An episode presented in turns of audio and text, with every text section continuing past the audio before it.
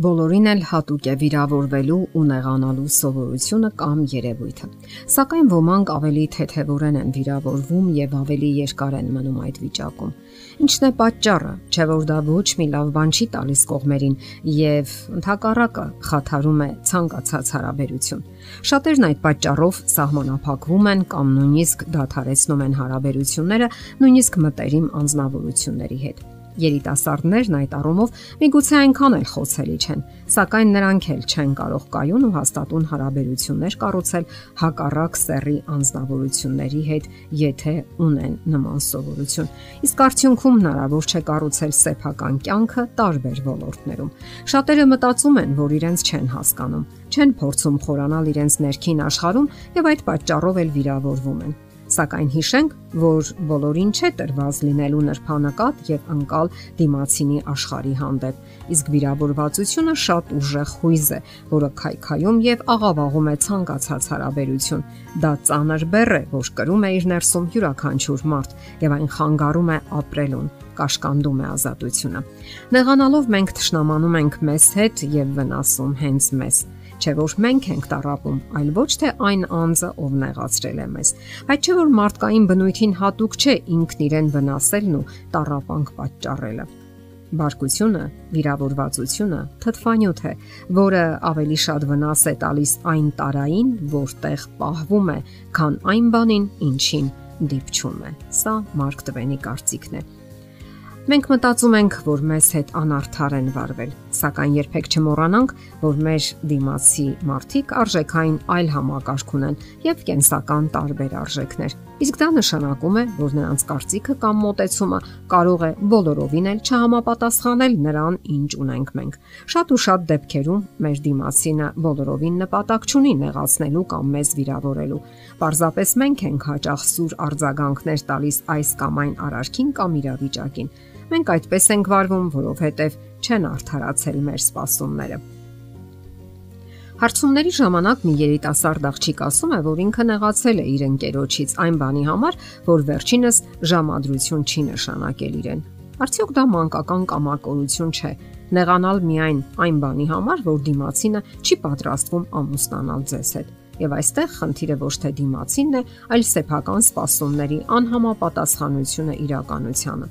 Մեզանից շատերը նեղանում են այն պատճառով, որ սխալմամբ ենթադրում են, թե դիմացինը մտածում է հենց այնպես, ինչպես մենք, եւ դրա համար էլ պետք է հասկանա մեզ։ Սակայն դիմացինը չի կարող կարդալ մեր մտքերը։ Նա ունի իր պատկերացումները եւ չի կարող գուշակել, թե ինչ է պահանջվում իրենից այս կամ այն իրավիճակում։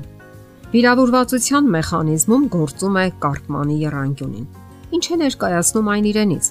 Ասենք որ հիմքում պատասխանատվությունից խուսափելու անգիտակցական մղումն է։ Այդ երանգյունում գործում են 3 անznավորություն։ Առաջինը զոհն է, երկրորդը հետապնդողը, երրորդը փրկարարը։ Վիրավորողն իր վրա է վերցնում զոհի կամ երեխայի դերը, որը թույլ է տալիս իրեն հեռանալ հիմնախնդրի լուծումից։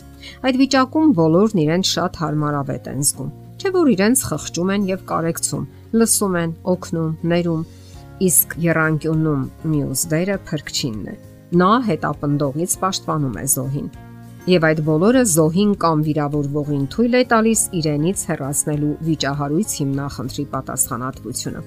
Մարդկանց մեծ մասը սովորաբար խուսափում է հիմնախնդիրը լուծելուց, հոգու խորքում զգալով, որ ինքն էլ ունի մեղավորության իր բաժինը։ Այսպիսի իրավիճակն իր մեջ այլ թաքնված դրթապաճառ կամ օգուտ ունի, դա վրեժ լուծելու, վիրավորողին իր տեղը ցույց տալու հնարավորությունն է։ Այդ ժամանակ զոհը դառնում է հետապնդող, ով կուտակում է վիրավորանքները եւ սпасում հաղթական ժամին, երբ կարող է վրեժ լուծել իրեն վիրավորողից։ Ինչպես իրենք են ասում,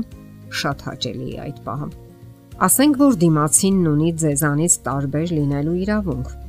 Ինչպես ասացինք, դիմացինն ունի ձեզանից տարբեր լինելու իրավունք։ Ահա թե ինչն է այնքան դժվարությամբ ընդունվում մարդկանց մեծ մասի կողմից։ Նրանց թվում է, որ իրենք տիրապետում են բացարձակ ճշմարտության եւ ոչ ոք իրավունք չունի այլ կերպ մտածելու կամ վարվելու։ Դա մեծ ամտության տարեր է պարունակում իր մեջ եւ մտածելով, որ ինքը ճիշտ է, իրեն իրավունք է վերապահում ինչ որ բան պահանջելու դիմացիններից։ Այդպիսով զոհը փորձում է ինչ որ կողմնակի օգուտ քաղել նման իրավիճակներից եւ դառնալ պահանջատեր։ Հասկանալի է, որ այս բոլորն ի վերջո շրջվում է թեթևորեն նեղացողի դեմ նա դառնում է զոհ եւ հալածահար անznավորություն։ Սակայն շատ կարևոր է դուրս գալ զոհի կարգավիճակից եւ հասկանալ, որ դիմացիններն ունեն ձեզանից տարբեր լինելու իրավունք։ Չկա մարդ, ով չսիրի ազատությունը, բայց արդարամիտը դա պահանջում է բոլորի համար։ Անարդարամիտը միայն իր։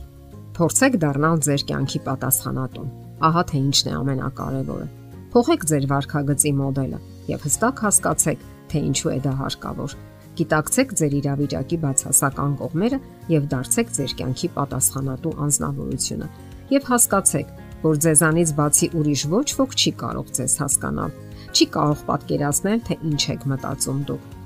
Նման հարցեր տվեք ձեզ. ով եմ ես։